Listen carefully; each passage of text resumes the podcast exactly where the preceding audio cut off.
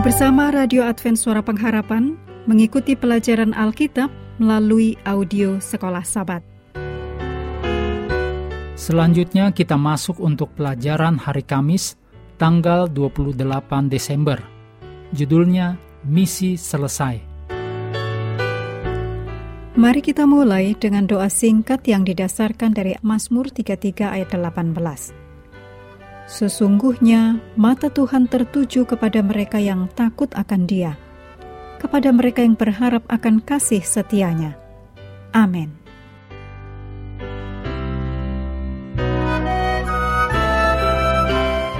Dalam Wahyu 21 ayat 1 sampai 4 dan Wahyu 21 ayat 22 sampai Wahyu pasal 22 ayat 5 digambarkan adegan mengenai dunia baru. Sungguh satu firdaus yang indah di dunia baru nanti. Kematian dan dosa akan lenyap. Iblis dan orang jahat akan dibinasakan kita akan bertemu dengan Juru Selamat yang mengasihi kita dan bersatu dengan orang-orang yang kita kasihi.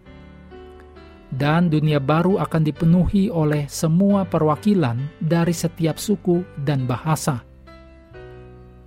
Komite Misi dari General Conference telah memutuskan sebuah panduan misi global yang bisa digunakan untuk menentukan definisi kelompok orang yang sudah dijangkau atau yang belum dijangkau. Kelompok orang yang sudah dijangkau adalah yang telah memiliki sejumlah orang dan sumber daya untuk bersaksi secara efektif kepada kelompok yang lain tanpa membutuhkan pertolongan dari luar. Kelompok ini sudah memiliki pelayanan ibadah, kitab suci, dan bahan-bahan bacaan lainnya dalam bahasa mereka dan ada pemimpin-pemimpin gereja setempat yang dapat bersaksi kepada kelompok orang lain tanpa seorang penerjemah. Kelompok orang yang belum dijangkau adalah mereka yang tidak memiliki komunitas setempat dari orang-orang Advent yang percaya dengan jumlah yang cukup dan sumber daya untuk bersaksi secara efektif kepada kelompok mereka sendiri tanpa bantuan yang datang dari luar budaya mereka.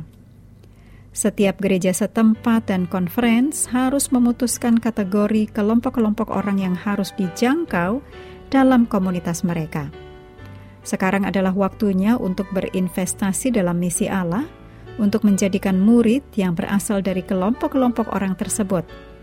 Dengan demikian, mempercepat kedatangan Juru Selamat kita, dan pada akhirnya tinggal dengan mereka di surga dan bumi baru yang dijanjikan bagi kita. Tantangan: bagaimanakah Anda mempercepat kedatangan Kristus? Apakah Anda sedang menanam bibit-bibit pengharapan dalam hati mereka yang ingin mendengarkan kabar baik?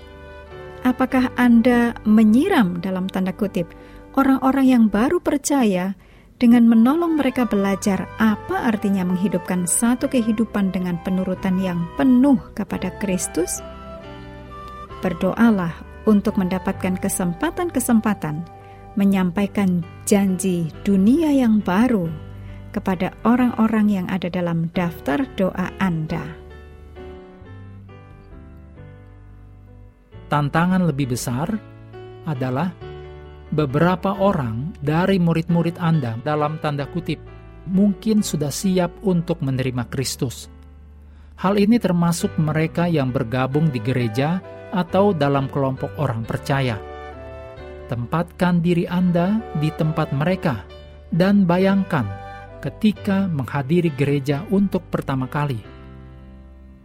Pengalaman apa yang akan dia dapatkan? Apakah Anda terbuka untuk memulai sebuah kelompok orang-orang percaya dan bukan hanya mengembangkan gereja Anda yang sudah ada? Buat strategi untuk menangani area-area yang lemah.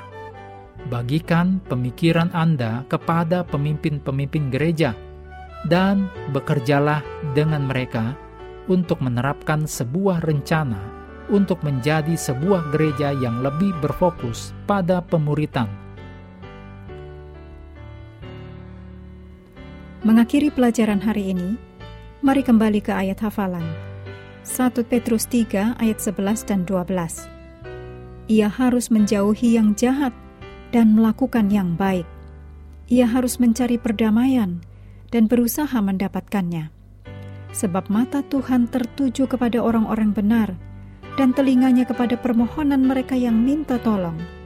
Tetapi wajah Tuhan menentang orang-orang yang berbuat jahat. Kami terus mendorong Anda bersekutu dengan Tuhan setiap hari, bersama dengan seluruh anggota keluarga, baik melalui renungan harian, pelajaran sekolah sahabat, dan bacaan Alkitab sedunia, percayalah kepada nabi-nabinya, yang untuk hari ini melanjutkan dari Yesaya pasal 35. Tuhan memberkati kita semua.